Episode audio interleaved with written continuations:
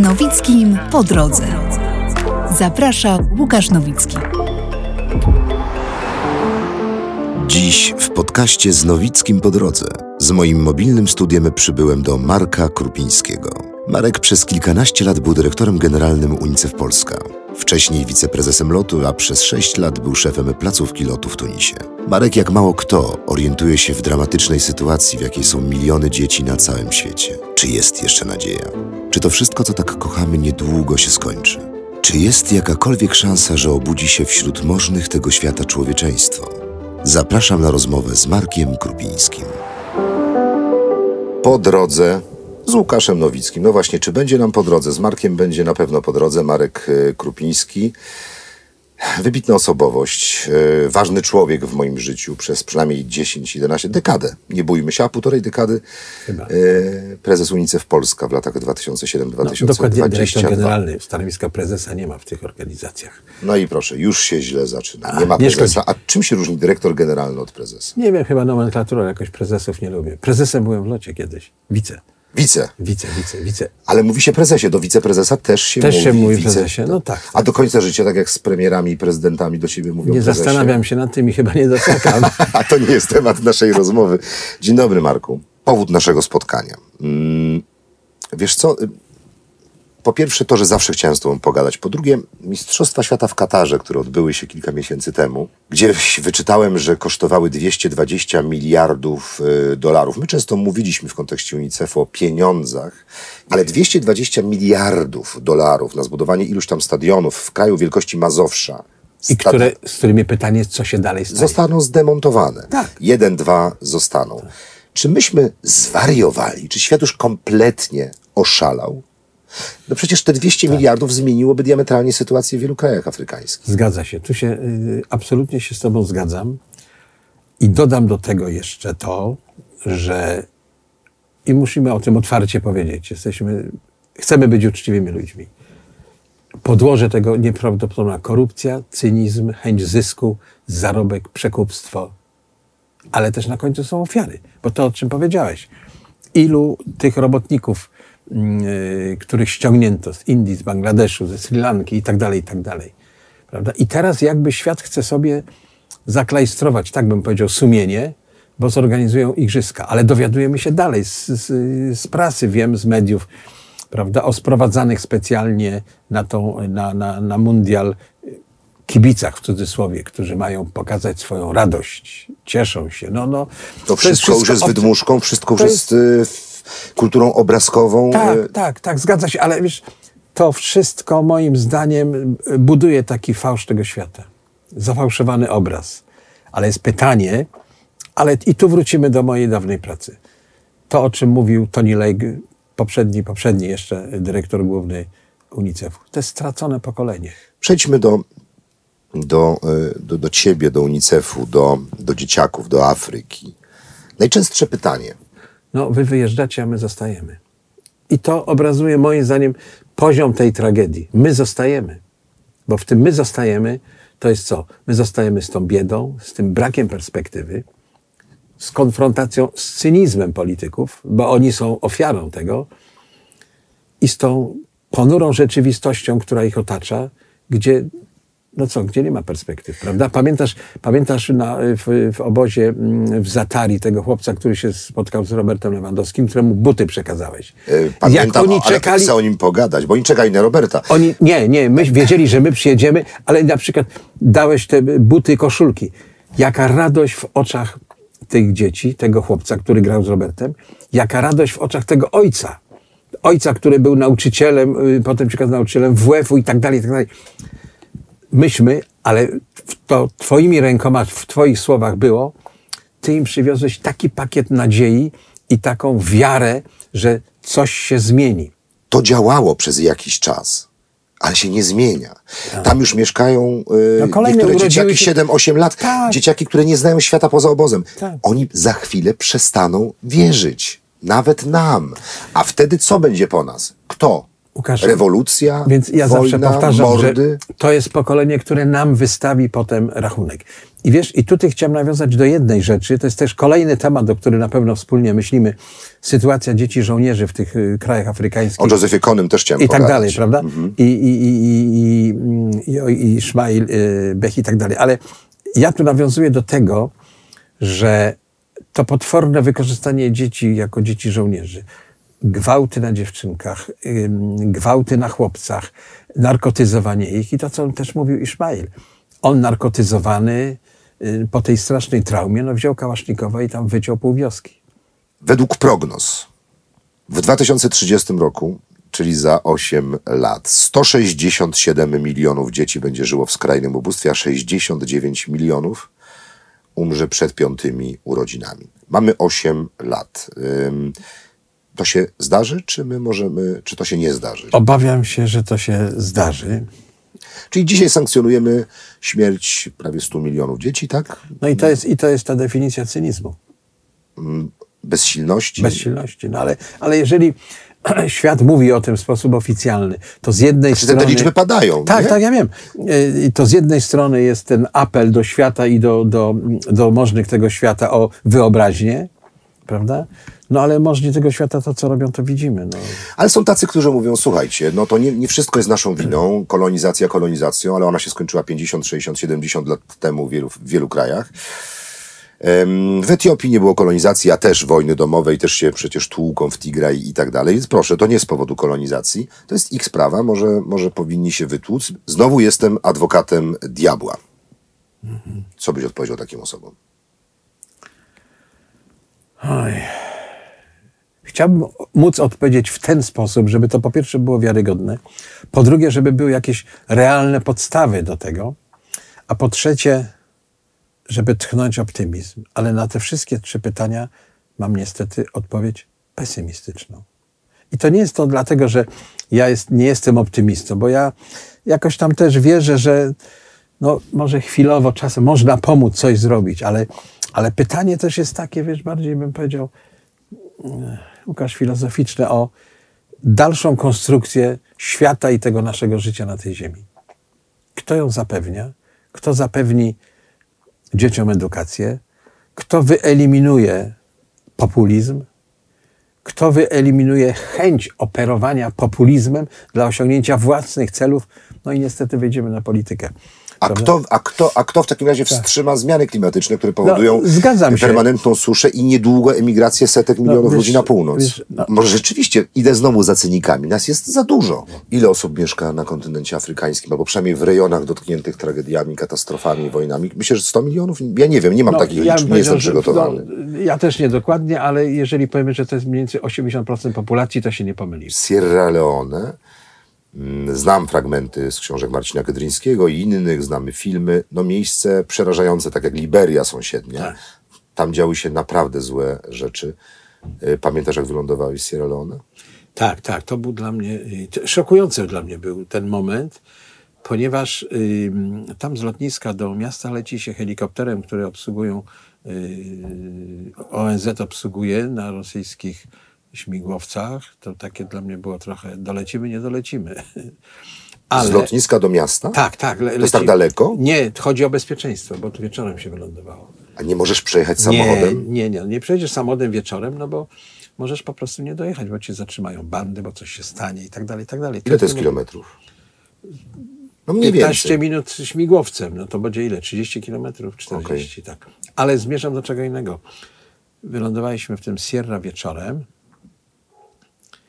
i wychodzimy, już tam bagaż y, wyszedł, został nam przekazany i zanim doszedłem do, do osób z, od nas z UNICEF-u, którzy na nas czekali, zacząłem całą grupę ludzi, która się rzuca na bagaże y, pasażerów, żeby im pomóc nieść tragarze.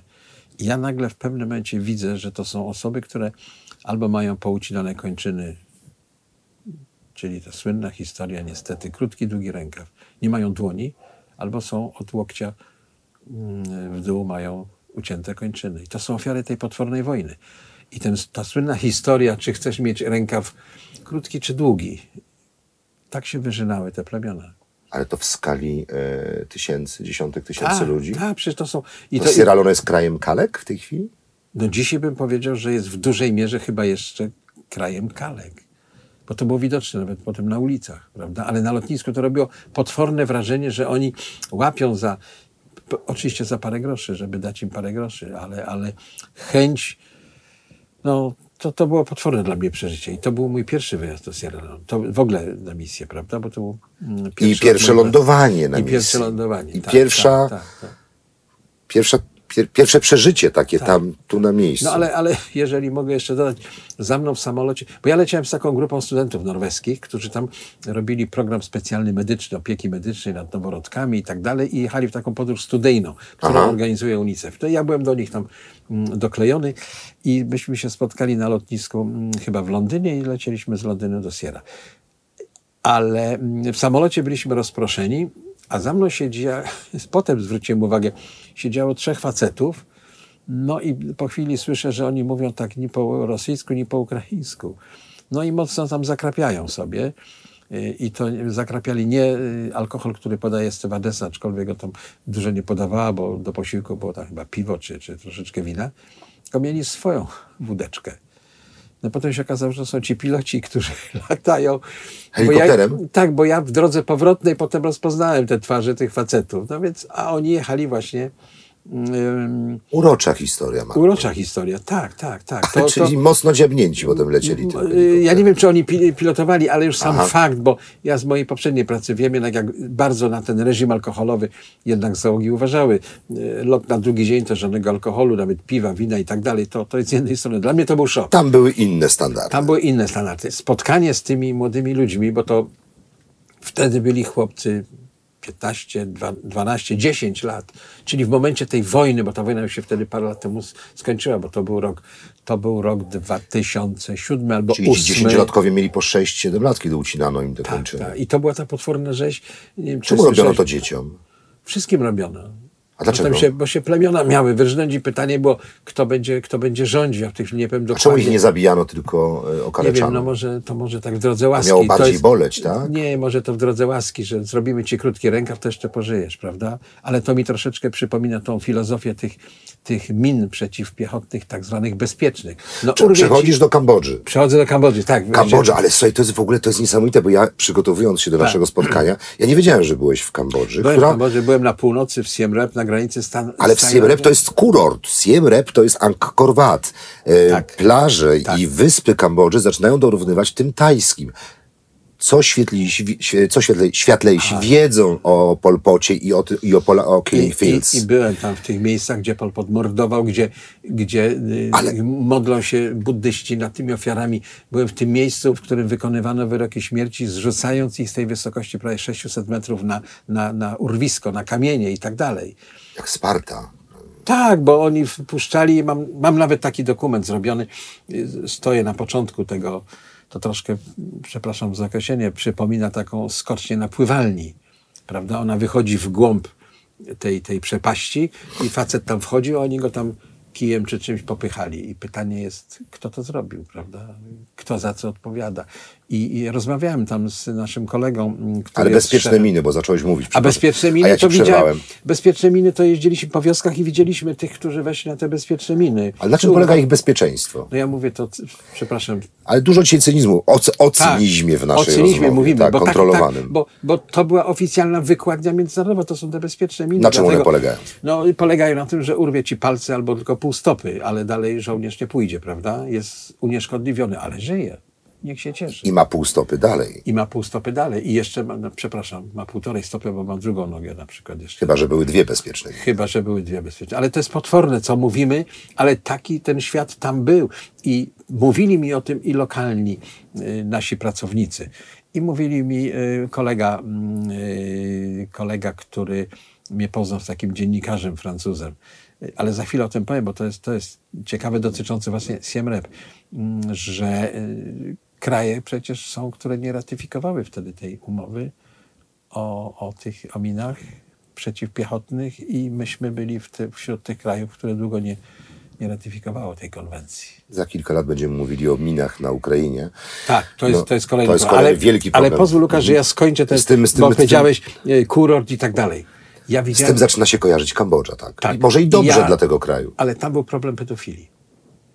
Myślisz, że on dalej istnieje? On dalej istnieje. I powiem ci, to do, ja dopiero potem to zrozumiałem, może to, no ale powiem o tym, bo to mi siedzi, ale to wielokrotnie też o tym mówiłem. Jak leciałem i leciałem, już nie pamiętam skąd, chyba z Frankfurtu do Kambodży i jak leciałem do tego Siem Reap, y, przechodząc po pokładzie samolotu, zobaczyłem samych facetów. I to tak każdy ważył 100, powyżej 100 kilo, tacy dobrze wypasieni.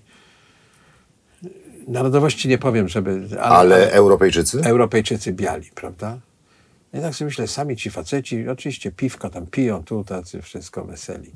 I jak już byłem w tym Siem Rep, y, kolega z, z, z, biura poznał mnie z takim dziennikarzem Francuzem i zaczęliśmy mówić, on, bo ja mówię, że taki pełen tutaj to turyści coś, a on się uśmiechnął, mówi, to ja ci pokażę tych turystów. I wieczorem, chyba koło północy, poszliśmy na ten główny plac w Siem Rep i siedliśmy sobie w takiej knajpce, zamówiliśmy piwo. Ja mówię, zaraz zobaczysz, nie? I ja rozpoznałem, autentycznie rozpoznałem. Tych gości. No wielu z nich, nie, ale przynajmniej, przynajmniej pięciu, sześciu to tak zidentyfikowałem patrząc okiem w tej knajpce. I do nich podchodził facet, przyprowadzał dziecko. No, chyba to jego dziecko było, nie? Następowała z rączki do rączki kasa i ten tłusty facet brał to dziecko i sobie szedł. Wiesz, i powiem ci, Łukasz, ja nie Ile mogłem to było spać. lat temu? Y, No ja tam byłem, o, o, no przynajmniej o, no 10 lat temu było, prawda, bo ja, no, może to był 14, nie, ale to może było 18, 19. 10 lat, czyli Ale- całkiem niedawno. Nie. Całkiem I niedawno. rozmawiałem o tym potem z tym dziennikarzem. Mhm. I on powiedział mi, słuchaj, to jest cała międzynarodowa mafia. To jest cała międzynarodowa mafia. I y, jakiś czas później, ja nie pamiętam gdzie, na jakimś kanale francuskim, mm, widziałem reportaż i rozmowę z byłym oficerem z, z Interpolu, Francuzem, który się poświęcił i tropił tych facetów. I wrócił do Kambodży i on tam założył i wspierał organi- lokalnych policjantów, którzy z tym walczyli. Czy mu się dalej to udało, trudno mi powiedzieć, ale słyszymy ciągle o tych wypadkach. I to jest, i to jest, ta, to jest ta moim zdaniem wielka zbrodnia, że za 10, 15, 20 dolarów dajesz dziecko takiemu To obleśnemu. czysto tak przerażające, że nawet y, trudno Ale ja to... spać nie mogłem potem. Nawet wiesz, trudno mi- to skomentować. i, i y, rozmawiałem, rozmawiałem z kolegami z biura, rozmawiałem potem z kolegami z innych komitetów, którzy tam byli, no to każdy oczy spuszczał, mówi, no tak, tak, tak, wiemy. Nie tylko tam. Nie tylko tam. nie, tam no ale, myśmy ale się tym skala zaj- rzeczywiście w Ale Kambodży. skala, skala, skala tego problemu. Myśmy się potem zajmowali tym problemem yy, yy, wczesnego... Czyli tym bardziej powinniśmy tam jeździć. Powinniśmy bo tam jeździć. pieniądze tam jako turyści, będziemy dawali pieniądze tym ludziom, y, by nie robili tak okrutnych i strasznych rzeczy swoim Tak, dzieciom.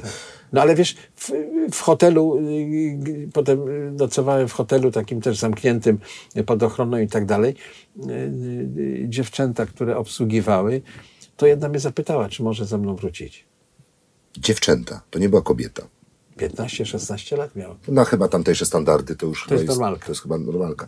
Normalka. Znowu cynizm kontrolowany. Tak, tak. Nazwijmy w naszą rozmowę kontrolowany cynizm z jakbym przymrużeniem inaczej- oka, tak? ale że wiesz, to nie jest Łukasz, Ale jak miałem cynizm. inaczej powiedzieć, Normalka, że, to, że, że byłem tym oburzony? Ona mi to, ona podając mi tam jakieś danie, mówi do mnie wprost, prawda?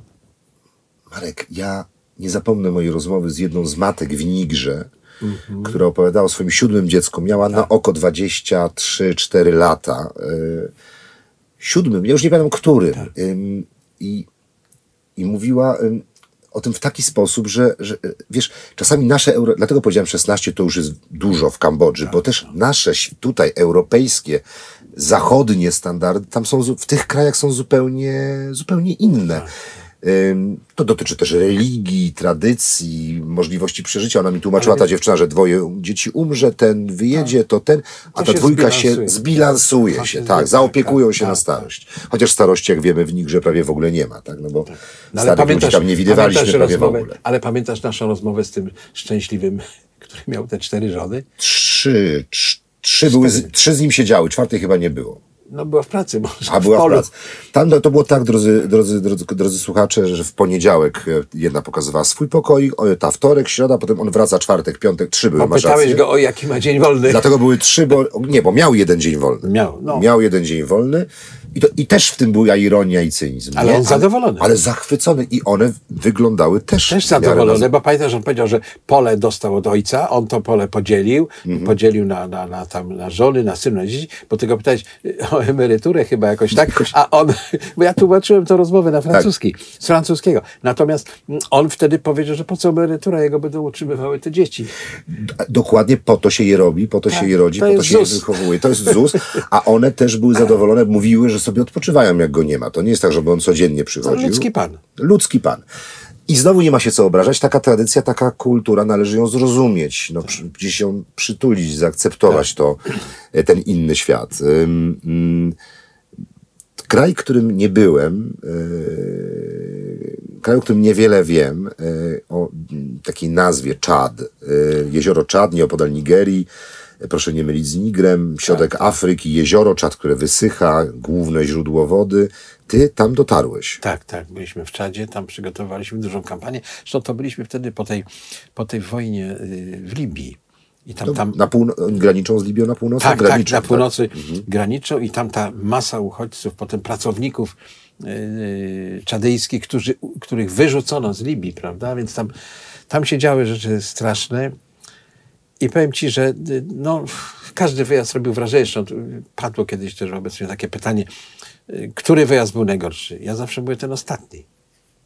Bardzo dobra odpowiedź. To prawda, bo tak jest. Ten ostatni. I pytanie było, a następny będzie też najgorszy. I, I to tak się niestety pokoju. Natomiast jeśli chodzi o. No, y, tam spotkaliśmy się też z agresją. Nie ukrywam, że był moment, żebym taką maczetą oberwał. Byliśmy w obozie, w którym y, y, byli uchodźcy. I oficjalnie rząd miał się tym, tym obozem mm, y, zajmować To były przeludnione obozy, przeludnione, Bardzo. bardzo przeludnione, ale też wynikało to z tego, że dane, jakie myśmy otrzymali, pod które został zbudowany ten obóz przez UNICEF i, i UNHCR, były, znacznie odbiegały od rzeczywistości. I nagle w miejscu, ja w tej chwili sobie nazwę miejscowości nie przypomnę, ale to nie ma znaczenia, bo obóz, o którym myśmy wiedzieli, że będzie na przykład na 6 tysięcy osób, czy na, na, na, na 10 tysięcy rodzin, prawda, czyli mniej więcej 20 parę tysięcy, albo, no nie, y, przepraszam, no więcej między 6 a 10 tysięcy, okazało się, że tam jest ponad 30 tysięcy osób i tego obozu nie można otworzyć, bo tam jest szkoła, szpital i tak dalej. I ten obóz był, miał być jakby Co to znaczy, że nie można go otworzyć? nie można go tworzyć, że on nie był jakby certyfikowany przez lokalne władze.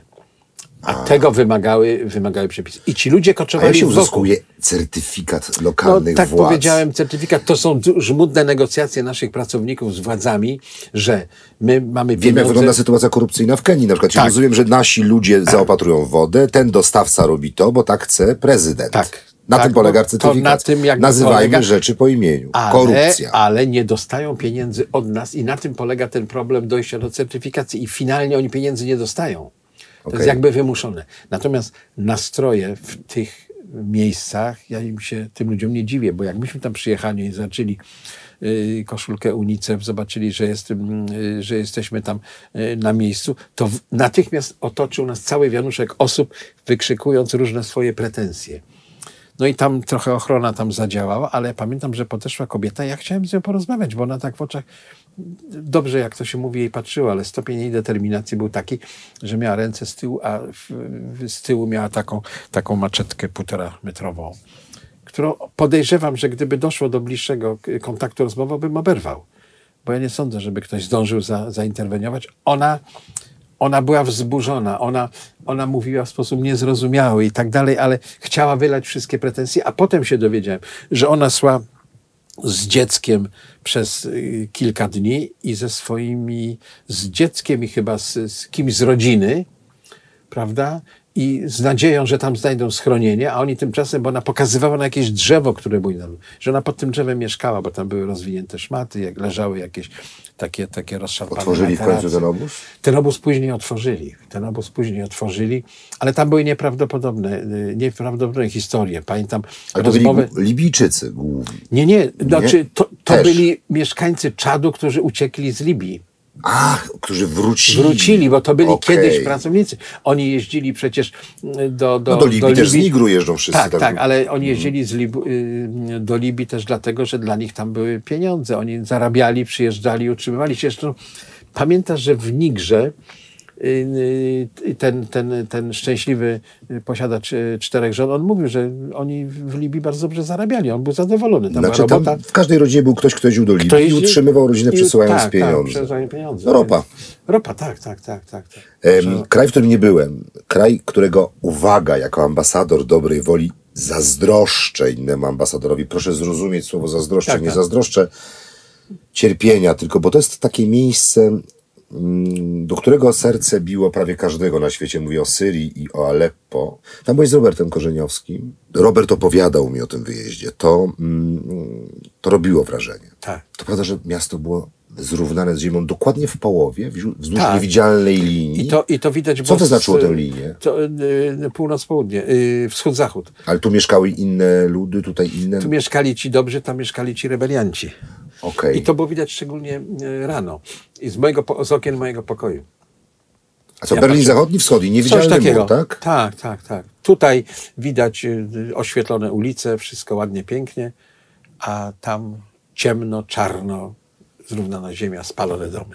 Mógłbyś pewnie godzinami, cały podcast moglibyśmy zrobić o Aleppo, no ale Ale tak po- dzisiaj, dzisiaj tak liżemy, każdy z tych tak, ale, ale, to, ale, to na mnie też zrobiło potworne wrażenie, bo y, y, przejście po starówce Aleppo. To, A ona co- była w tej części zrównanej z ziemią? Ona była, ona była zrównana z ziemią, dlatego, że nie wiem, czy kojarzysz wtedy ten moment, kiedy już siły y, rebelianckie, jak to mówią, miały zwyciężyć i wtedy jechała pomoc. Pomoc ze zdjęciem Putina, ciężarówkami i flagi y, zdjęcie rosyjskie, Putina? ta, zdjęcie y, tego Sadata y, i, i tak dalej. I oni, pamiętam, myśmy jechali drogą, y, no i chcieliśmy ich tam wyprzedzać, mieliśmy problemy. Ja trochę taki niepokorny, bo ja robię dużo takich zdjęć spod rękawa i zrobiłem takie zdjęcia właśnie na czym ten... Aha, tytuł był Konwój Pokoju. Konwój pokoju. Konwój pokoju, oczywiście, czyli, czyli co? Y, y, Puszki, konserwy, jedzenie na pewno i, i wszystko to, co potrzeba, lekarstwa, prawda? Natomiast jak podjeżdżaliśmy do tego auta, to wiatr podwiewał tą plandekę, no i ja tylko zacząłem takie ognie, a pasno zielone skrzynki, w których na pewno nie było makaronu, na pewno nie było lekarstw, tylko Rozumiem. były takie długie różne piguły i tak dalej, i tak dalej. I y, oni widzieli, że to było, że to był, bo myśmy mieli napis na samochodzie y, UN, i, a na niektórych był też UNICEF. I oni wcale przy jadzie nie byli nastawieni, żebyśmy mogli wyprzedzić. Natomiast ten nasz kierowca robił wszystko, żeby ich wyprzedzić i tak żeśmy się wozili troszkę. No ja wtedy tak spod rękawa, dlatego mam takie zdjęcia trochę zamazane, ale bardzo elegancko jest tam po rosyjsku napisane, co się w tych skrzynkach y, znajduje, żeby, broń Boże, z zapałkami chyba nie podchodzić. To, I też, e, to robiło wrażenie. Mówisz o rzeczach, które, e, które też trzeba podkreślić, że te misje, na których byłeś, o których, o których e, opowiadasz, to są często też niebezpieczne e, misje. Najlepsza nawet ochrona nie jest w stanie nam zagwarantować. Stuprocentowego bezpieczeństwa. Mieliśmy w jednym z krajów taką, taką historię, gdzie zaszczelili czterech kolegów, ale to był bandycki napad na pieniądze. Burkina Faso. Czyli, no, czyli patrz, już mówiliśmy dużo dzisiaj o Nigrze, Ale to- Burkina Faso, a za chwilę jeszcze wspomnimy o Mali, też obok, ale zastrzelili... cz- Wyjechali czterech naszych pracowników, jechali z lekarstwami. A mieli te lekarstwa, szczepionki mieli w takich, e, w takich, takich metalowych skrzyniach, no i ponoć jakiś donos był, że tam są pieniądze. No. I I zastrzelili. zatrzymali, zatrzymali, wzięli, a tam okazuje się były, były szczepionki, a nie pieniądze. Mogę od razu teraz wspomnieć też, no chciałem o Nigrze oddzielnie porozmawiać, Ale jako o naszej ale wspólnej Aleppo jeszcze byliśmy na ulicy z Robertem i kręciliśmy z dziećmi. Ale wrócimy taką- do, do, no, dobra, no mów ale. No i nagle idą serie takie ostre nad głowami. No i kolega nasz, zresztą, y, zresztą Radek y, mm, Rzechak, który był tam Polak, który był wtedy szefem biura, nie, no natychmiast dam tam wrzask, krzyk i tak dalej, my do bramy, a dzieci, pach, strzelają, to, to krzyk radości i lecą w tą stronę, gdzie strzelają. I to pokazywało ten syndrom wojny u tych dzieci. One ja się nie słyszałem- boją. One, one idą, bo tam się coś dzieje. Ale ja też słyszałem, że potrafią obliczyć też e, trajektorię pocisku. Tak, tak, tak, tak. E, e, Po głosie. Jakaś historia, dziewczynki, następuje wystrzał gdzieś, wszyscy się chowają, ona podnosi patrzy. na chwilę głowę i wraca spokojnie do zabawy, bo wie, Że że to jest taki, a nie inny pocisk i będzie Zgadza 300 się. metrów dalej. Tak, tak, tak. tak. To Tak. są dzieci, to jest to stracone pokolenie, moim zdaniem, bo oni, oni się po prostu nie boją. Ale mimo na przykład wielkich tragedii, bo tu znowu mamy urwane kończyny. Wojna to jest, Tak. jest, to, jest, to jest głód, cierpienie, utrata najbliższych, ale to jest, to jest coś, co nie tylko niszczy ten, po- to pokolenie, ale też, też przeniesie się na ich dzieci, na ich dzieci, ich dzieci. To jest coś, co ja nie wiem, czy ile, ilu, ilu lat pokoleń trzeba, żeby zapomnieć i wybaczyć. Bo tam też niepełnosprawne dzieci, jest cała masa, no, które... ale pomyślmy, brali udział w, takiej, w takim niesamowitym wydarzeniu. Yy, Wszystkie dzieci niepełnosprawne dały nam pokaz swojej sprawności fizycznej i swojego jakby otwarcia na świat. To było coś niesamowitego, co myśmy tam z Robertem przeżyli. No, on na pewno o tym mówił, to myśmy w ogóle prawie że do siebie nie mogli mówić, bo, bo dzieci bez kończyn, niepełnosprawni, z Downem, y, tańczyły, śpiewały, y, y, no, pokazy gimnastyczne i tak dalej. I całe, całe rodziny im towarzyszyły w tej radości, że one mogą wyjść i się pokazać. Wycho- wyszły z ruin. Wyszły te dzieci z ruin i to jest... To jest Zagrali w piłkę nożną, grali, gimnastyka, grali tak? tak, ale grali w piłkę. Y, y, Dziewczynka bez, bez kończyny lewej y, od kolana w dół, która gra w piłkę, która, która była tam mistrzynią i miała jechać na olimpiadę y, w gimnastyce. No, no, to są nieprawdopodobne obrazy. Ja to też utrwaliłem na zdjęciach. Robię sobie teraz całą taką Nie, to serię ty masz różnych- fantastyczny materiał, wydaj to Ale jakoś, robię- proszę. no, ja w nich na widziałem, razie- jak ty robisz te zdjęcia. One może nie są zawsze, bo to robisz rzeczywiście z rękawa, one nie zawsze są najlepszej wybieram jakości, teraz. ale są od strony dokumentalnej genialne. Ale i, Łukasz, ja teraz zrobiłem taki wstępny bilans, przygotowuję taką dokumentację, mam więcej czasu. Y, Ja mam ponad 35 tysięcy zdjęć. No, zrób to, zrób to, bo potem- Ale robię, robię takie albumy właśnie i, i, i Ja też Państwu zdradzę, bo to jest nie, nie w ogóle kompletnie teraz y, y, powiem zdanie niezwiązane z tym, o czym mówiliśmy, ale przypomniało mi się, a ja zapominam, a nie będę zapisywał teraz w laptopie, skąd ta siła u Marka na, na, na pomaganie, na, na odwiedzenie dziesiątek y, miejsc na świecie. Pamiętam w nich, że w każdej wolnej chwili skubaniec zasypia. To jest niesamowite. Jak jechaliśmy jeepem, to po prostu ja nie mogłem zasnąć. Cały czas, a ty po prostu każdą chwilę, a to tak zupełnie nie, to tak, tylko taki tip dla tych, którzy chcieliby wiedzieć skąd czer- czerpać energię. Power napy, 15 minut drzemki. No potrafisz to, nie każdy tak, potrafi. to, tak, tak, tak. Natomiast w samolocie nie śpię. W samo, ale w samochodzie bez, bezwzględnie No tak, zasypiasz, tak. jak dzidziuś. Tak. Jak dzidziuś. No ale ty w samolocie uczyłeś się tekstu. No tak, no, no każdy ma swoją robotę. Słuchaj, Wybrzeże Kości Słoniowej, O. kraj, który kojarzy mi się z piłką nożną, Didier Drogba i tak, Tak. dalej, taki wydaje mi się nawet dość zamożny względnie, no i na Abidżan, wiesz, a poza Tak. tym no, Wybrzeże, y, tam też UNICEF y, Działa, tak, dzia- tak. Tam jest biuro, ja byłem tam. Ale co to, to, to rzeczywiście jest, no opowiedz coś proszę, bo No, WKS. oczywiście poziom biedy nieprawdopodobny. Rzeczy, czyli szczepienia, szkoła. Byłem w zakładzie w takim poprawczaku, byśmy nazywali to, gdzie są złapane dzieci, które popełniły jakieś przestępstwa, prawda? I Nie wiedziałem o tym. I tam, I tam y, taka edukacja przez naukę, przez sport się odbywa i rozmawiałem z chłopakami bardzo uzdolnionymi w piłkę nożną. No i właśnie była mowa na temat piłki, na temat, na temat Mistrzostw Świata i tak dalej, i tak dalej. I nadzieja w tych chłopcach, że ktoś ich dostrzeże i, i to piłka nożna jest jedyną szansą wydostania się stamtąd. Sport, ale piłka nożna to jest chyba ten, ten jedyny, Mhm. gdzie oni liczą, jak ktoś przyjedzie, to, to, to czy on jest z UNICEF-u, czy on jest z innej organizacji, czy coś, a, a może uda się coś i tak dalej. No. Tam chłopcy mi dawali na swoich, na takich karteczkach swoje adresy, nazwiska, żebym zapamiętał. To, ale to jest stresujące, ponieważ mój przyjazd wtedy powoduje u nich wzrost y, te, tej nadziei, którą mają każdego wieczora, że jeżeli dał mi tą kartkę z adresem, a nuż, a nuż się Też dostawałem takie karty. prawda? Tak. Ja je dostawałem też mm, w więzieniu, bo wizytowałem więzienia na Haiti. Do Ha- Haiti za Haiti chwilę. wrócimy. Bo Tak, chciałem ale zapytać o tak skoczę- szpital w Wybrzeżu ale szpi- Słoniowej. no, Bo tam y, miałeś historię ogóle Przerażającą szpitale to zupełnie. znowu jest temat na oddzielną No, rozmowę. szpital to, to też byśmy powiedzieli, że to jest cynizm, ale są szpitale dobre, są szpitale Ja fatalne. dobrych nie widziałem. Znaczy, Ja widziałem, widziałem kilka dobrych, wyposażonych sal. Okej. Ale też okej. widziałem, i to widziałem z, z Arturem y, chyba w Mali, w bardzo dobrej sali wyposażonej jest nieczynna, bo tam stoi motocykl dyrektora.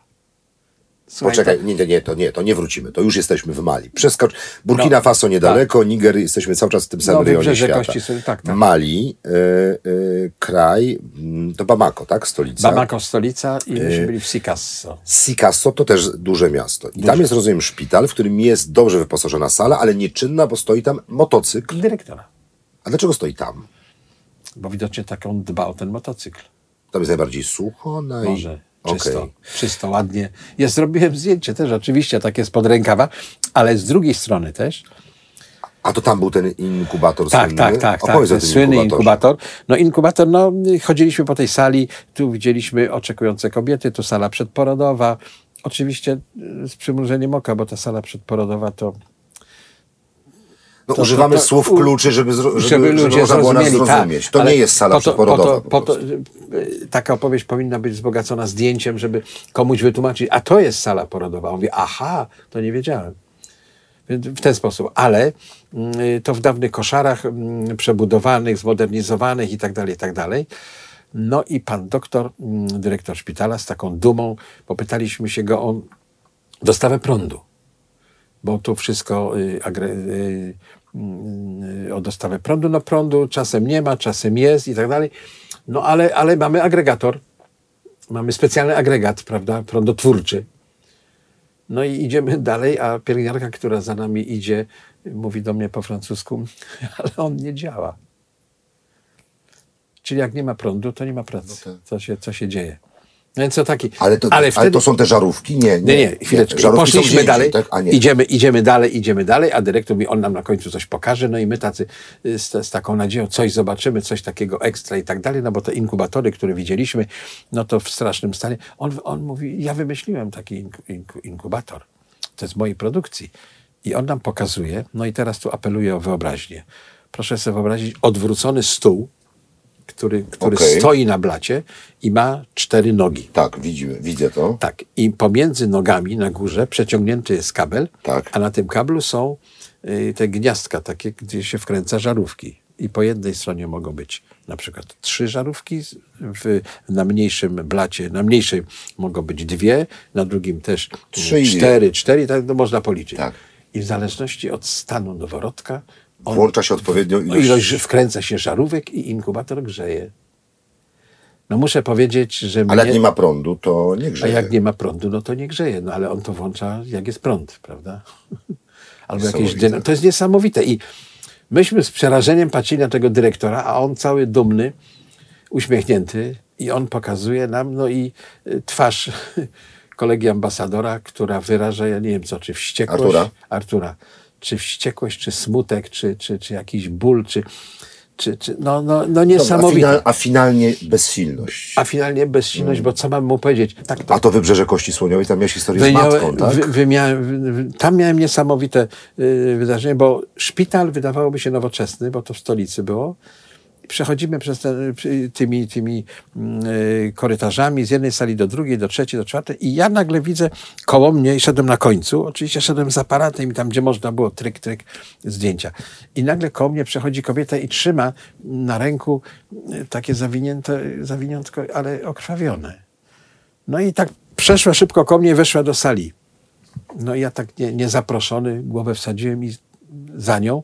Ona położyła to zawiniątko i ja patrzę tutaj, zniekształcona główka.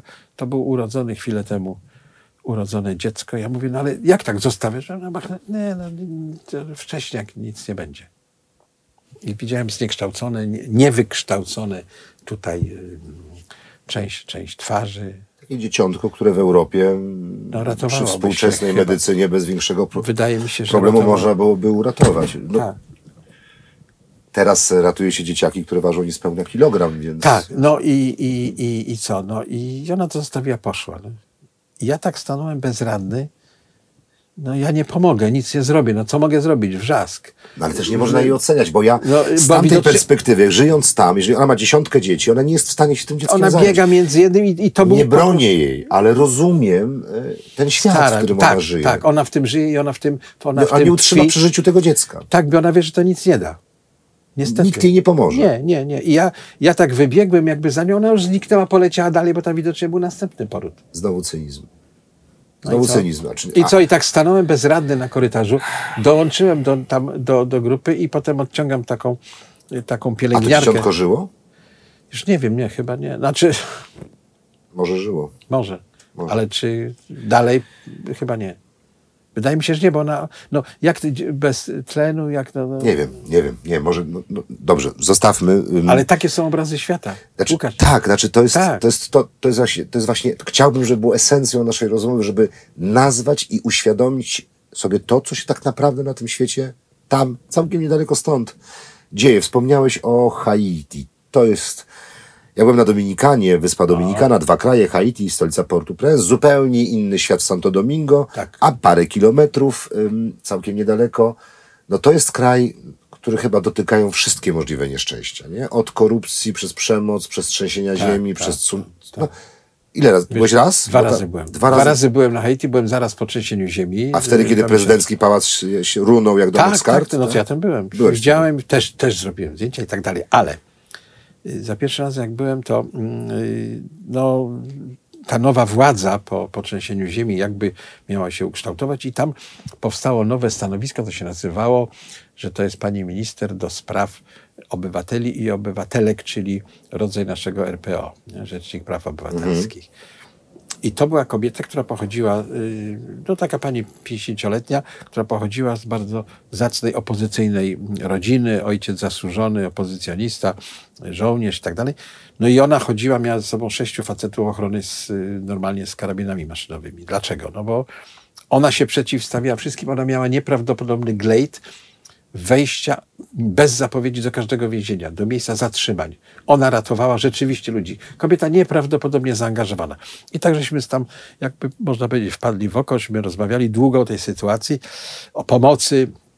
Pokazała mi, dlaczego runęła ta dzielnica, a tam, popatrz, jakie domy eleganckie, twarde stoją, ale one są puste, zamknięte. Dlaczego? No bo oni mieszkają głównie we Francji, a te domy to wynajmują. Czyli te domy zbudowane e, Za dobre za pieniądze. dobre pieniądze nie runęły, nie runęły. nie, nie, no właśnie na tym polegała ta tragedia. Okej. I, i, to, I to buntowało ludzi, prawda? Bo widziałem całe rodziny siedzące na gruzach i wojsko, pamiętam, to były oddziały wtedy z Chile, którzy nas eskortowali, ponieważ rodziny nie chciały zejść z gruzu, ponieważ spychacze już jeździły, no miesiąc, półtora po trzęsieniu ziemi. A e, oni ciągle wierzyli, że tam są członkowie ich rodzin, a Żywi już była, ludzie. ta, nie było żywych ludzi, a tam już była ta No w decyzja. Nepalu wyciągano ludzi po 14 dniach nawet. No tak, ale, ale tam nie było szans. Naprawdę Mhm. nie było szans żadnych. I tam już była decyzja państwowa, że zasypywać to wapnem, żeby odkazić, żeby nie było epidemii, no bo to jest ten problem najważniejszy, prawda? I, i no też mam takie zdjęcia spod rękawa, których nie wolno było robić, ale wojsko zdecydowanie z wystawionymi karabinami gotowymi do strzału i yy, strzały w powie, z powietrza, w powietrze, jeżeli ktoś nie chciał zejść. Ale do czego zmierzam? Do tego spotkania z RPO. E, ona nam opowiadała i, i to był wtedy też taki drugi, y, drugi problem, te mm, przyspieszone adopcje. Myśmy jako UNICEF się zdecydowanie przeciwstawiali, co wzburzyło oczywiście określone środowiska, bo tam był napór na to i, i te całe mafie niestety y, y, handlarzy dziećmi rzuciły się, że, że tu będzie szczęśliwe. I tam były dwa problemy. Pierwszy problem, to nie wiem, czy pamiętasz, ale wtedy żona ówczesnego prezydenta Francji Sarkoziego zorganizowała taki dwa chyba Carla loty humanitarne? Carla Bruni, te, te loty humanitarne, Mhm. ale ona to zrobiła z głową i można powiedzieć inteligentnie na tamte czasy, ponieważ ona zaczęła od kontaktu z Haitańczykami mieszkającymi we Francji. I każdy musiał podać adres swojej rodziny tam na Haiti, żeby można było ściągnąć. To nie była taka masówka, że przyjeżdżają dzieci I rozdajemy, i, i rozdajemy, rozdajemy paczki. tak. Mhm. Prawda? I to było zrobione z głową inteligentnie. Natomiast tam był inny problem, że i o tym powiedziała mi ta y, pani rzecznik, że pojawiają się jakieś organizacje ze Stanów, że one zabierają dzieci do krainy szczęśliwości, do jakichś rodzin, że przeczekają tutaj, aż się wszystko nie skończy. I ja drugim razem, jak byłem na Haiti, spotkałem się z kilkoma rodzinami, które, które przychodziły do rzecznika z pytaniem, to gdzie moje dziecko, bo miało wrócić po roku, czy tam po pół roku. Nie ma. Nie ma dziecka. I to jest ten, i myśmy się bardzo przeciwstawiali i braliśmy udział z amerykańską e, organizacją rządową, która doprowadzała do identyfikacji miejsc pobytu i odzyskiwaniem tych dzieci, prawda? Zrobieniem dokumentów, no bo dziecko bez dokumentów jest towarem. Miałem taką historię, wiesz, kiedy wylądowałem w Addis Abe- Abebie, Ababie w Etiopii, zupełnym przypadkiem, w hotelu Gion. Pamiętam jego nazwę. Zeszliśmy rano na śniadanie i patrzę, to dość dziwnie wygląda, kochani.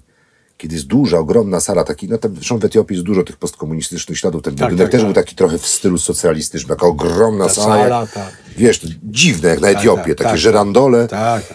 Ja patrzę, z kilkadziesiąt stolików, ale wszy...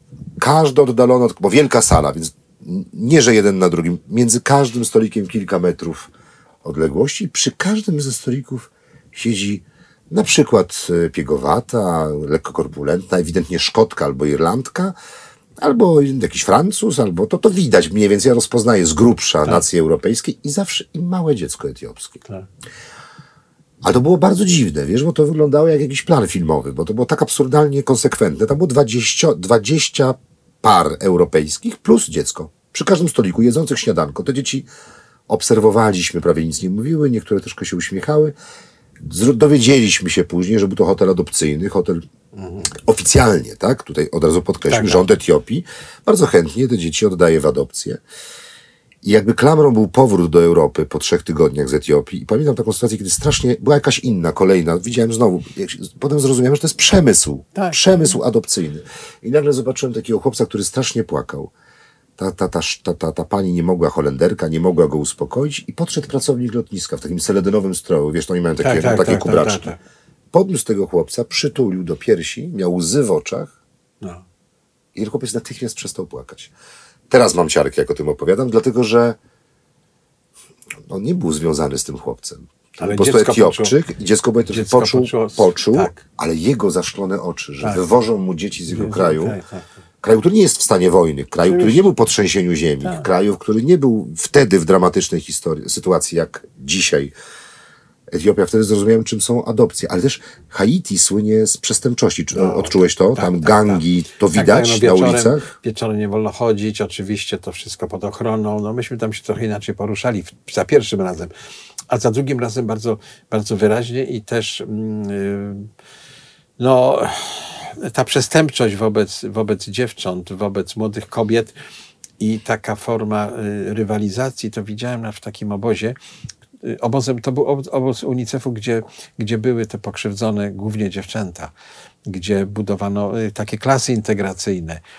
I, i, i, szefowa tego ośrodka mówi do mnie, że zresztą byliśmy chyba wtedy w tej wiosce, że tam problemem jest też problem rywalizacji facetów, czyli dorosłych, z dzieci, z, no, z młodymi chłopcami, powiedzmy sobie takimi no, 16-18 lat, z wyrostkami, kto więcej zgwałci dziewcząt. Oni się między sobą chwalili, Bili rekordy. bili rekordy. Tak, tak. I ona mi o tym bardzo wyraźnie powiedziała. Mówi, słuchaj, to jest problem, my tu współpracujemy z policją. Mówi, no ale co zrobić, jak policjant jest tam, z, tamtego, z tamtej okolicy, no. Więc Tam jest, e, funkcjonuje klanowość i plemienność, jak w Afryce, w Kenii na przykład? nie, nie, z, tym, się, z tym się nie Czyli spotkałem. policjant z tej okolicy to nie jest tak, że on jest z rodziny zawsze, czy coś? Nie, nie, ale, ale, ale policjant jak zdejmie mundur i jest w domu, to być może słucha tego, tego młodego dżentelmena, który się pochwalił, że, że poszli wczoraj z kolegami wieczorem i zgwałcili dziewczęta. Powiedziałeś o dziewczynach e, w tej chwili, ja tutaj gdzieś mam taką... Ale jeszcze A, ci powiem jedną rzecz. Przepraszam, oczywiście. A propos Haiti. Byliśmy w więzieniu właśnie, byłem z, tym EP, z tą dziewczyną z RPO.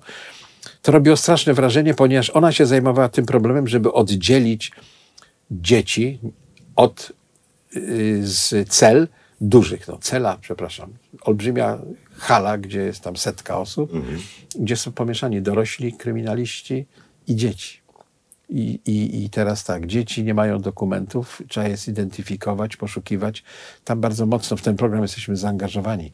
I, I to jakoś tam się powodziło, bo byłem świadkiem nawet na spotkaniu takiej rodziny, gdzie ciocia odzyskała mm, siostrzenicę, której, których rodzice zginęli w trzęsieniu ziemi. I ona na podstawie, y, y, to oni robią taką metodą, bym powiedział, obrazkową. Albo zdjęcie, albo rysunek dziecka przyklejony do ściany. Kto widział, niech mówi, no to czasem u nas w gazetach widać, ale to z innej formuły. I, mm, i to, mm, I to gdzieś tam dawało skutki. Ktoś kogoś odnalazł i, i tak dalej. Widziałem kilka takich spotkań, brałem w tym udział. Przynosiło takich to, szczęśliwych. E, tak, tak. Niepra to nieprawdopodobne, bo y, ja byłem nie na pierwszym spotkaniu, ale już na drugim, ponieważ nie polegało to na tym, że ta kobieta rozpozna, siostrzenicę, bo jeszcze wtedy były wątpliwości, Mhm. a czy ona nie jest podstawiona, a czy tamta, która jest odnaleziona, nie chce skorzystać, że kogoś odnalazła i tak dalej. Więc to były nieprawdopodobne y, badania. Tam psychologowie byli, y, mocno zaangażowani byli Amerykanie, Francuzi, Niemcy, Japończycy. To, to, to, to funkcjonowało, prawda? Ale zostały utworzone takie takie patrole, takie grupy młodych ludzi, którzy bardzo się w to angażowali.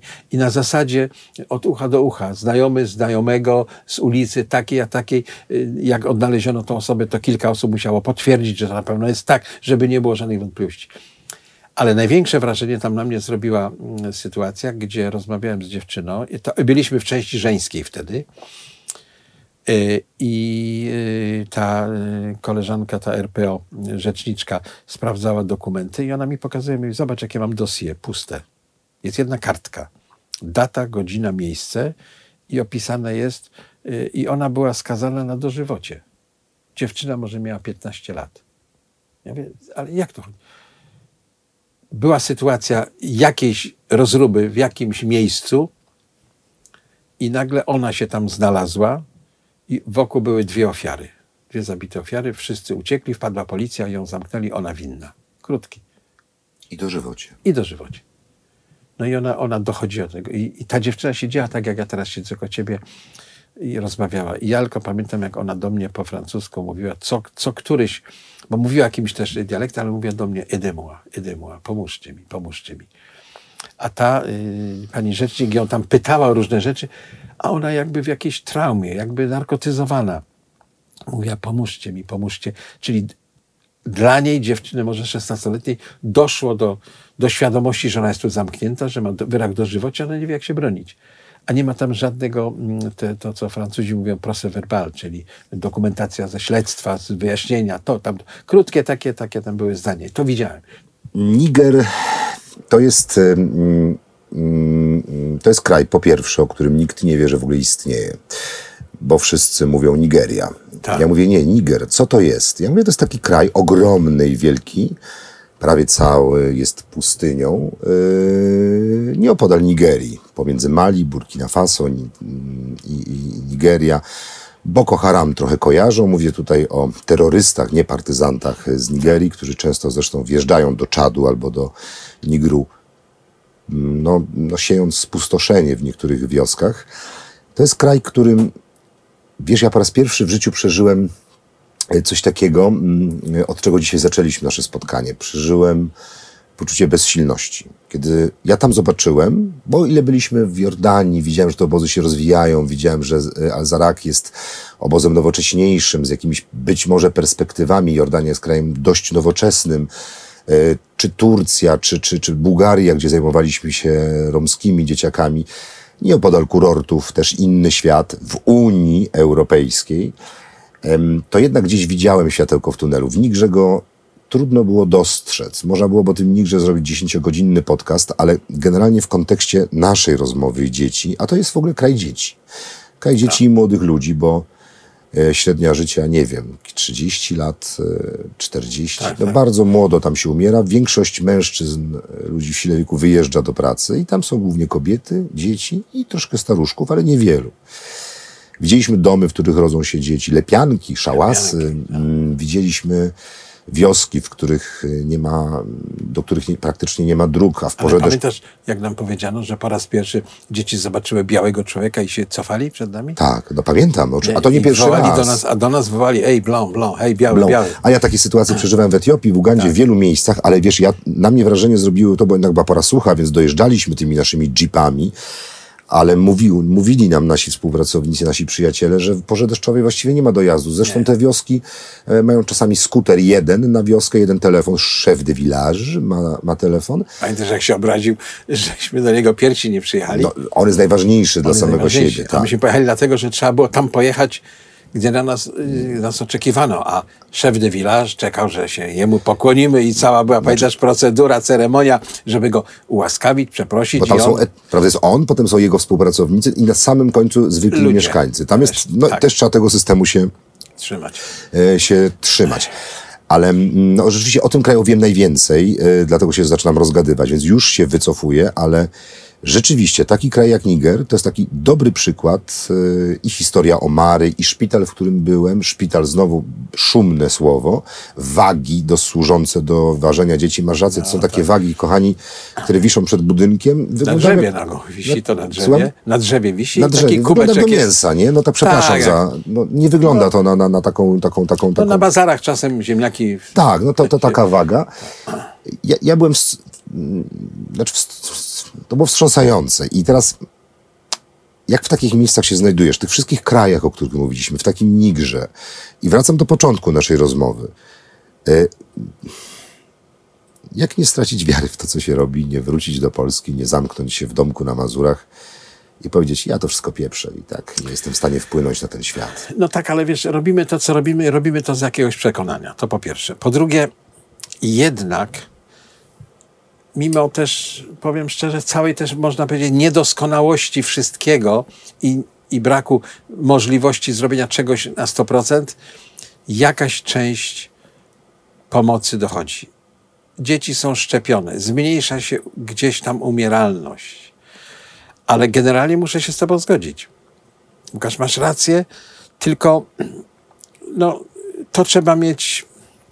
Tego nie można traktować jako taki zawód, będę to robił, tylko to się robi już w jakimś momencie swojego życia, aczkolwiek jest dużo bardzo młodych ludzi, którzy się angażują, skończą studia, jadą i tak dalej, ale ja mówię o takim trochę wyższym stopniu spojrzenia na całokształt problemu. I tu widzisz tak, brak edukacji, to co potrzeba? No potrzeba nauczycieli. Nie ma nauczycieli. Dajesz kogoś z Europy, który uczy. Tu wykształcisz jakiś zestaw, mm, y, grupę pielęgniarek, zaangażowane, świadome. Tutaj masz y, osoby, które na przykład nam mówią y, to, co dla nas jest zupełnie czasem niezrozumiałe. Nie? Będziemy robimy kursy karmienia piersią. No powiedz w Polsce kobietom, że trzeba zrobić kursy karmienia piersią.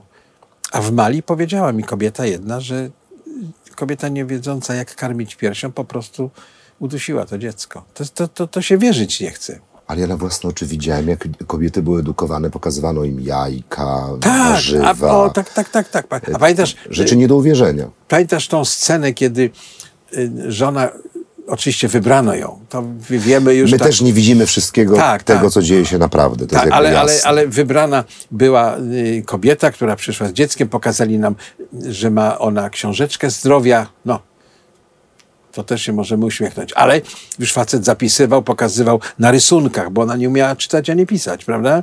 Tak. Jak on się jej pytał, czy dziecko ma biegunkę? I on krzyżykiem zaznaczył, Te kubki, rysunki tak, były też nie, takie. Tak. tak, prawda? Mhm, tak. W ten sposób. No ale od tego trzeba zacząć.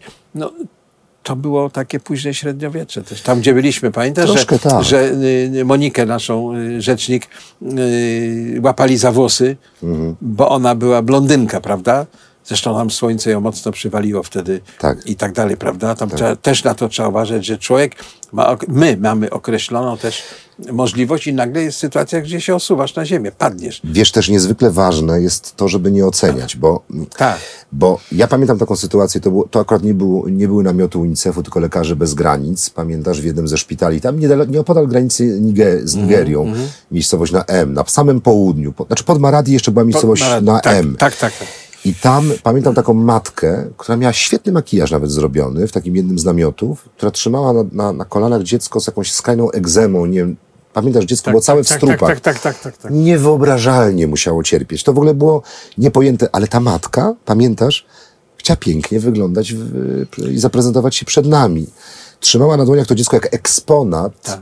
By pokazać... Który, jak ona jest elegancko ubrana. Była bardzo, była bardzo elegancka i Tak, umalowana. tak. Ja w pierwszej chwili przeżyłem wstrząs. Tak, Myślę tak. sobie, kobieto, ej. Tu dziecko, tak. tak. Potem przestałem ją oceniać, bo, bo ona jakby przywykła do cierpienia, przywykła do, do, do, do, do tej sytuacji i ten dzień był dla niej szczególny ze względu na naszą wizytę. Ale powiem Ci jeszcze taką, miałem historię na Filipinach, na wyspie Cotabato. E, Zepsuła mi się e, przy walizce tam zamknięcie, a naprzeciwko wręcz hotelu był tylko ulica przejść, bazar był. Hotel był oczywiście też chroniony. Ja mówię, a to ja wyskoczę na bazarek, bo ja widziałem takie kłódeczki. No i w momencie wychodzę z recepcji, oczywiście ten oficer na security mówi, gdzie idziesz? Ja mówię, a ja tylko kupię sobie naprzeciwko. Jak pójdziesz sam, to już nie wrócisz. Tak powiedział. Tak mi powiedział wprost. Mówi, "Na- zwiną cię na tym bazarze, bo będziesz celem. Mówi, tak może za 3-4 tysiące dolarów to byśmy tam cię mogli wtedy wykupić, albo cię tam gdzieś pukną.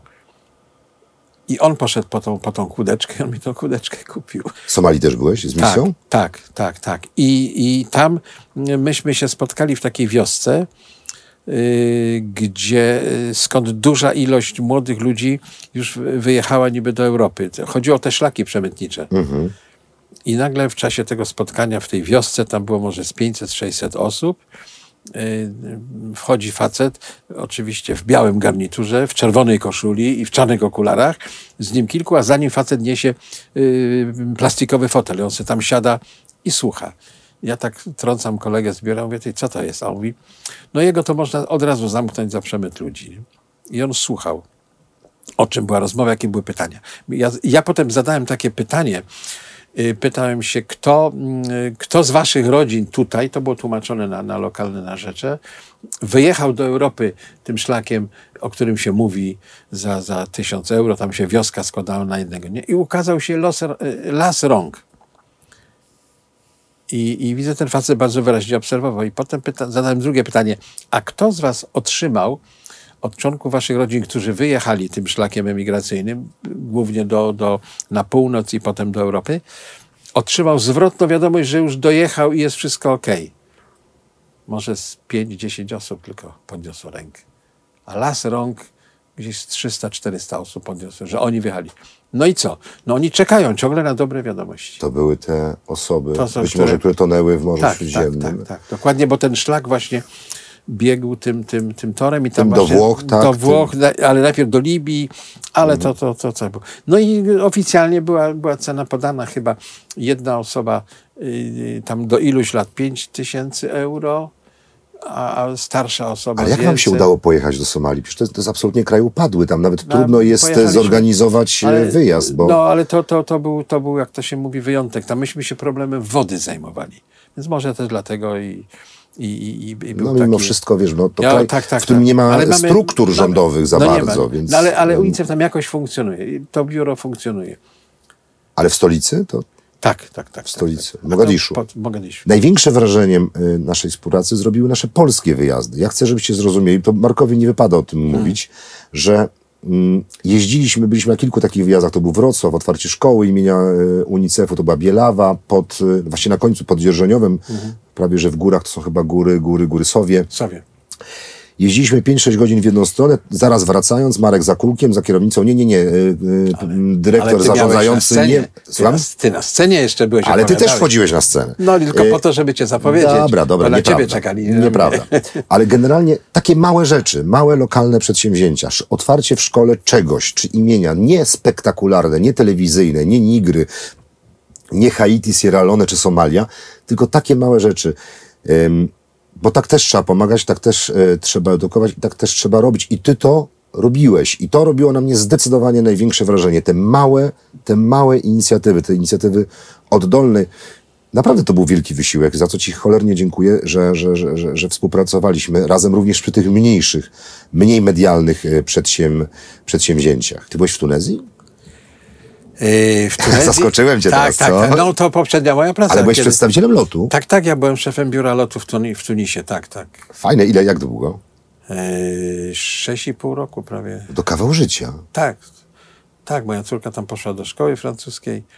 Mówiła po arabsku, po francusku, to teraz już zapomniała, teraz to już jest dorosła kobieta, sama trójkę dzieci, tylko jestem dziadkiem, tak jak tutaj widziałeś. A ja dziadka wyciągam, po A tu prostu widzisz, nie, nie, podjeżdżam nie. mu pod dom i wyciągam bardzo, od rodziny. bardzo dobrze, bo poznałeś Franka, najmłodsza y, Helenka. Fajna ekipa. Tej- Małżonkę jest- miałem zaszczyt poznać też. Tak, tak, tak. E, patrz, bo znaliśmy, znamy się tyle lat, a rodziny No. nie znałem, ale w tym tu fajne było takie życie w Tunezji? Oj, to był, to był, to był taki dosyć no, y, ciekawy, ale trudny okres, ponieważ y, zostałem oddelegowany z lotu, żeby tam trochę uregulować sytuację na lokalnej placówce, ponieważ w momencie stanu wojennego cały interes biura został przekazany lokalnemu człowiekowi. Nazwiska nie wspomnę. No i potem się nagle okazało, że są popełnione niestety różne malwersacje. Facet współdziałał z lokalną policją, z, z, no zresztą tak jak w Ale jaka kraju- była Tunezja w tym okresie? Fajna? To, a w był, tym, to był otwarty czasie, kraj, w czy tym to czasie hijaby? Nie, nie, tak, tak, znaczy, tak jak mówią o Tunezji, ale to już był początek Bractwa Muzułmańskiego, które, które tam działało na bazarach. Y, To był, mm, to był czas aktywności Palestyńczyków, zresztą byli moimi sąsiadami. I, I tam widziałem, jak im przywożono garnitury, notabene, jak potem spojrzałem z Bytomia, bo to był przez płot, brązowe garnitury dla, dla Palestyńczyków. To był ten okres taki, takiego, takiej sytuacji politycznej. I to był okres, ja byłem na, w okresie przełomu y, Burgiba Ben Ali. Ben Ali notabene kiedyś ambasador mm, Tunezji w Warszawie. E, I, I pamiętam przewrót, y, czyli y, na- najpierw pamiętam te wszystkie obrazki, takie jak z socrealizmu, nieśmiertelny Burgiba, który pływa w basenie, a jest w takim kombinezonie i wygląda jak żaba napompowana. No takie, takie śmieszne historie. Ale tam, mm, tam niestety byłem konfrontowany takiej, wobec tej sytuacji, jaka, jaka była i musiałem tą placówkę jakoś regulować. Też miałem tam lokalne problemy, bo, no, no bo, no bo facet narobił trochę malwersacji, poginęły bilety, takie rzeczy. Ale wydawało się, że ta Tunezja jest takim krajem bardzo właśnie otwartym. Mm, Wtedy Pol Polacy... Ale co to, lot, lat, po co Lot- przedstawicielstwa lot, No, przedstawicielstwo była lotu? obsługa samolotów, ale Na też co, lata jeden samolot w tygodniu, jeden wtedy, dziennie? wtedy latał jeden, potem dwa. No to po co przedstawicielstwo do jednego No, lotu no ale, tygodniu? y, Przepraszam, że tak prowadzi- się prowa- ale wtryniam. pro- prowadzi się też określoną działalność agencyjną, ma się współpracę z biurami podróży, rozlicza się podróże. Czyli jest też turystyka. Też, tak, tak. Wtedy Okej. były czasy, w locie powstał AirTours Okej. i, i to jakby taka konkurencja dla Orbisu, bo, bo myśmy wtedy mieli i możliwość zrobienia tak zwanego land arrangement, czyli usługi na, na, Mhm. na no i to się cieszyło y, taką, taką dosyć y, dużą wtedy popularnością. Polacy do tej Tunezji jednak jeździli.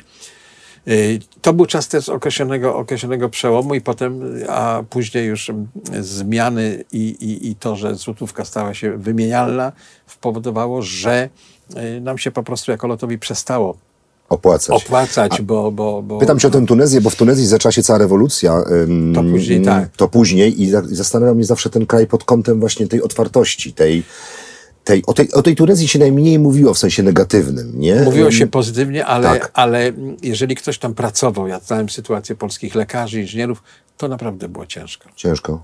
Tak. A dzieciaki w Tunezji? Wtedy, jeszcze nie byłeś tak pewnie uwrażliwiony na to, ja ale... na to patrzyłem inaczej. No przede wszystkim praca na ulicy, na bazarach. Czy jak wszędzie? Tak jak, tak jak wszędzie, prawda?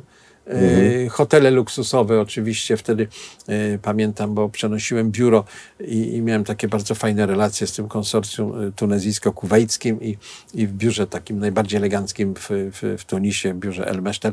Tam do nich przeniosłem biuro, mając też pewną taką gwarancję bezpieczeństwa, Okej. no bo też dochodziły tam różne historie, ale tam przeżyłem też mm, wtedy mm, y, ten, ten y, zastrzelenie jednego z tych głównych palestyńskich y, y, działaczy y, w Abu Nawas. y. Ale w jakim sensie przeżyłeś? Byłeś tam, czy widziałeś? Znaczy, nie, byłem wtedy w Tunisie Okej. i, i y, tak powiem widziałem skutki tego.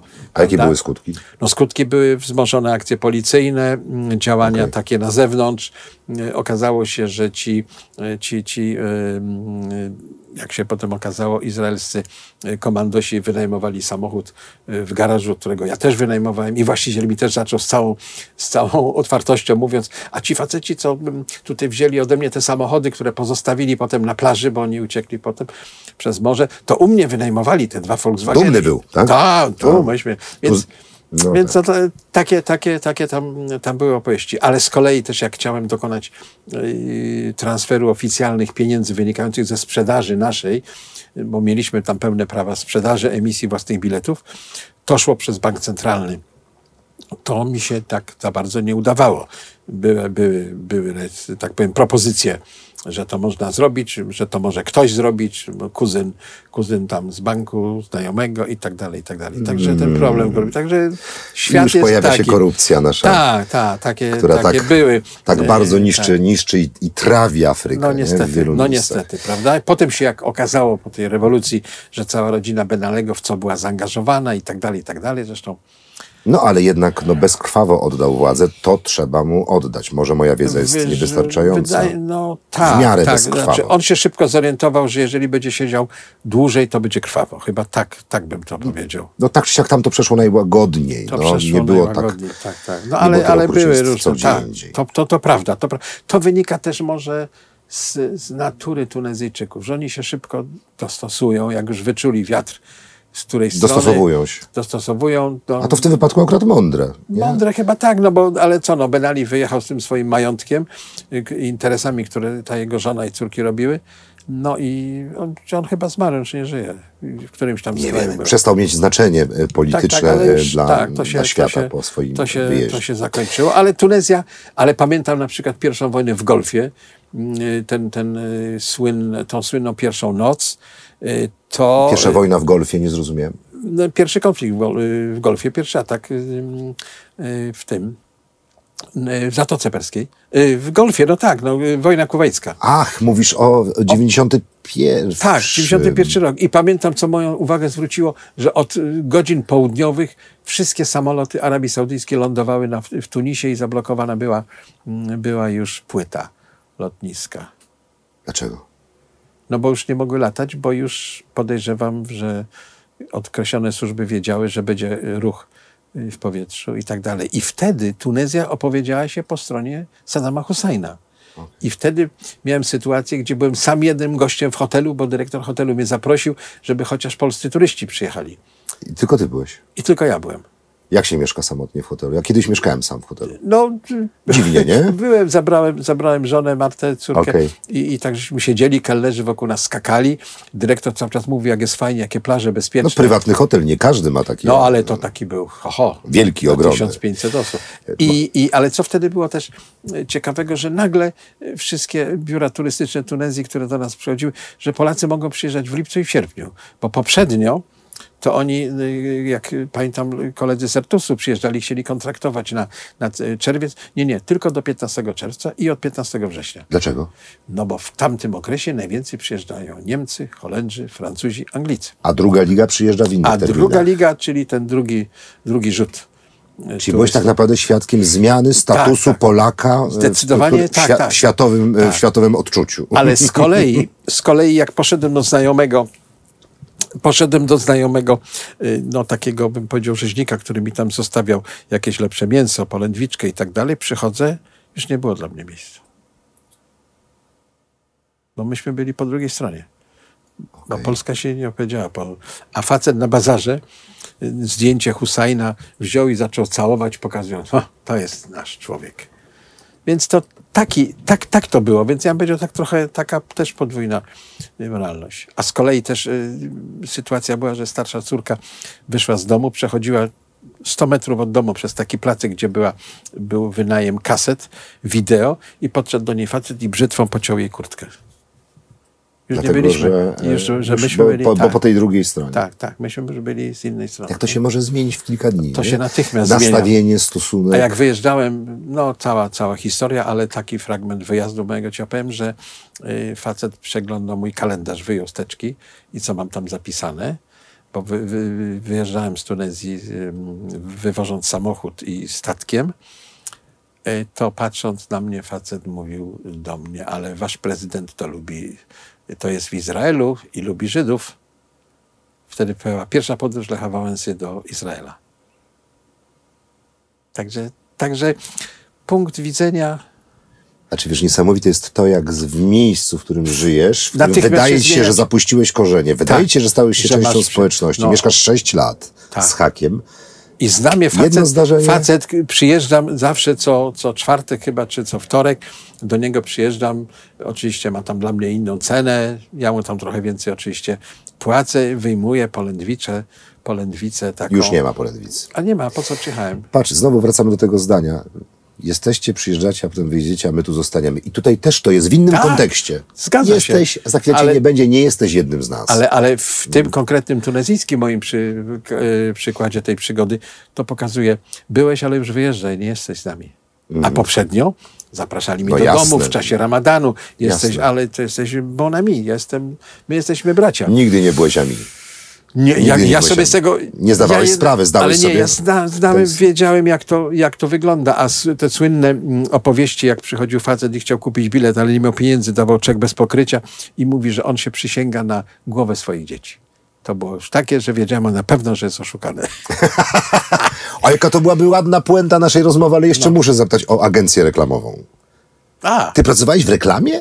No trochę tak. Kompletnie miałem- mi się nie składa to. Ale co, sprzedawałeś proszki do prania? Pisałeś nie, teksty nie, do... Nie, nie, nie, nie, nie. Chodzi o to, że miałem tak przez okres mojego y, zawodu, y, prowadziłem taką firmę, którą trzeba było wyprowadzić z, z zapaści, z długów i, i zrobić z tego jakiś modelowy biznes. Ale I, poczekaj, agencja reklamowa, ja wiem czym się zajmuję, bo ja też pracuję w reklamie. No pisze się teksty, no kontakt to z byli klientem. ludzie, to byli, to byli ludzie i to była agencja, która jednocześnie zajmowała się kreacją.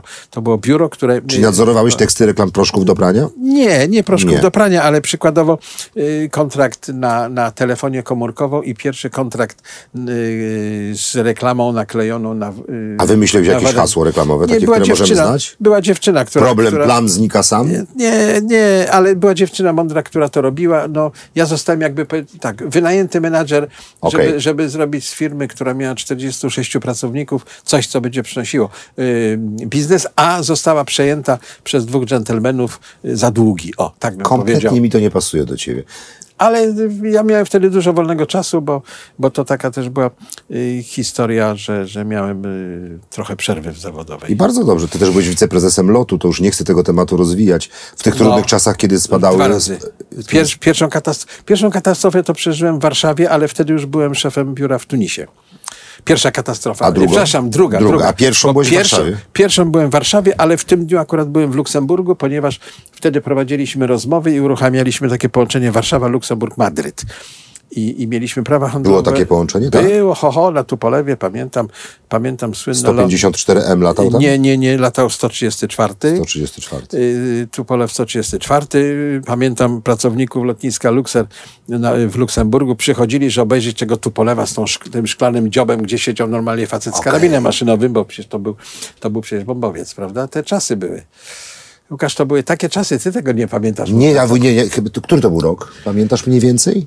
No, y, pierwsza katastrofa y, to dokładnie 70, y, który szósty? Byłem na świecie. Tak, 76, gdzie Anna Jantar zginęła, Tak, prawda? a, a druga? A, 7, a, d- a druga 86.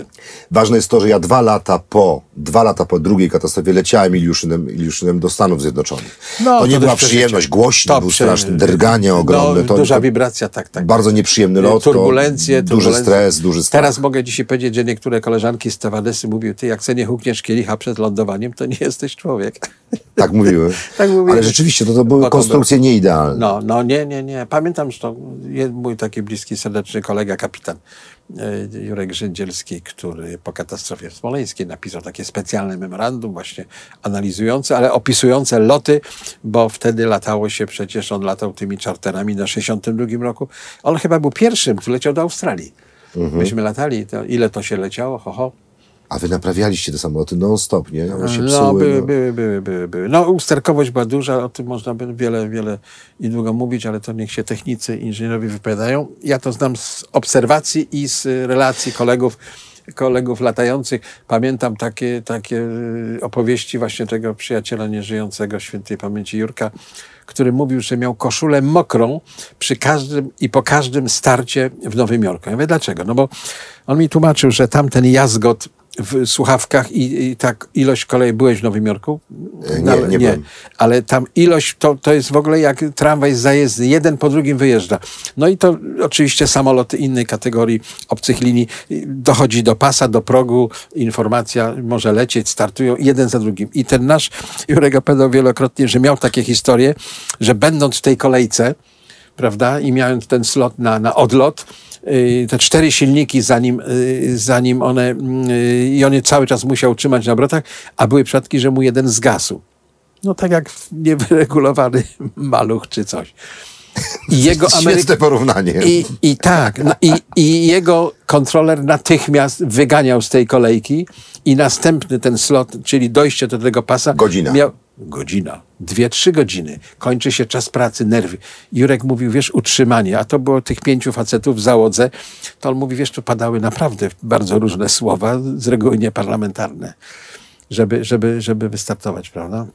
Ty przy pierwszej katastrofie byłeś w Luksemburgu? Czy... Przy, pierwszej byłem, y, przy pierwszej byłem w Luksemburgu, a przy drugiej a przy drugiej byłem w y, Tunisie, ale w tym dniu akurat byłem w Warszawie. Przyjechałem na dwa dni na takie spotkanie. To był wstrząs, nie?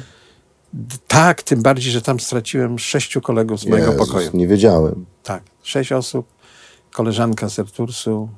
No, zawsze o tym myślę, bo no i też takie przypadki. Ten drugi to był Laskabacki, tak? Ten drugi to był Laskabacki. Mhm. No. A pierwszy to był ten rów tutaj przy, przy Alei Krakowskiej. Mhm. No przyczyna ta sama, przeciążenie turbiny i tak dalej, i tak dalej. No ale, ale to robiło wrażenie. I, i, a ta druga dopiero, bo to już lata 80., już Solidarność, już ta słynna rezolucja związków zawodowych i pomocy y, Polonii Amerykańskiej o zakazie lotów IU-62 do Nowego Jorku. I to był dla nas duży cios, Nie polityczne zmiany, polityczne zmiany, naciski Polonii mhm. i zaczęły się. I pamiętam, że wtedy y, przyleciał do mnie dyrektor finansowy y, do Tunisu, żeby tam regulować te, te takie zaszłości wynikające z tego zarządzania przez lokalnego faceta. Mm, no i, i on mi wtedy powiedział, że już są prowadzone rozmowy, że jest duże zainteresowanie banków na finansowanie obcej floty. Wtedy dyrektorem lotu był Jurek Słowiński. I 767 się podobał. I się pojawił. Boeing, tak? I, I 737 najpierw. najpierw. No, ale ja mówię najpierw, o transatlantyckich. O, o, o, dalekodystansowych. Tak, tak, tak. I wtedy była ta słynna rywalizacja, czy McDonald's.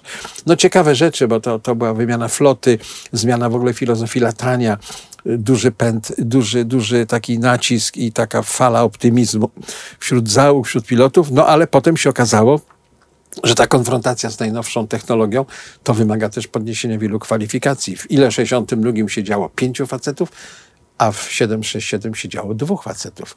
Już nie było potrzebne stanowisko radiooperatora, to co było w 62, prawda?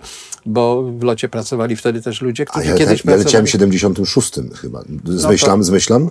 Był 7, taki? 70, IU, IU 70 nie było takiego. IUA 70, nie, nie, a, to były te duże. Nie, pomyliłeś, to, to, to może leciałeś gdzieś tam daleko na wschodzie. Nie, nie, nie, nie. Lecia, mówię o locie do, do, do, do, do Meksyku, do Stanów Zjednoczonych. To to jest 70, to, to, nie, to 62.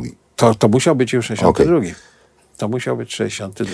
Czyli masz, tak, to, masz, masz rewolucję, bo też ludzie stracą pracę i to też nie jest tak łatwo to wszystko I to, i to się nagle potem okazało, tak, mhm. że naciski związków zawodowych, a może jak, jakie schodzenie, no różne pomysły takie, już nie chcę o tym mówić, ale, ale czasem nawet takie, bym powiedział, naiwno, yy, naiwne. Czyli dzięki katastrofom y, wymieniliśmy niestety, flotę tak naprawdę. Niestety tak, tak. No i zmiany, zmiany, yy, zmiany u nas systemowe, prawda, mhm. które spowodowały że się udało. Marek, ja widzę, że tutaj będzie drugi raz. E, Może Pogadamy teraz o, o, o, historii polskiego lotnictwa. O, możemy, e... tak, z przyjemnością. Znaczy... Mnie się cudownie ciebie słuchało. Mam nadzieję, że słuchaczom też.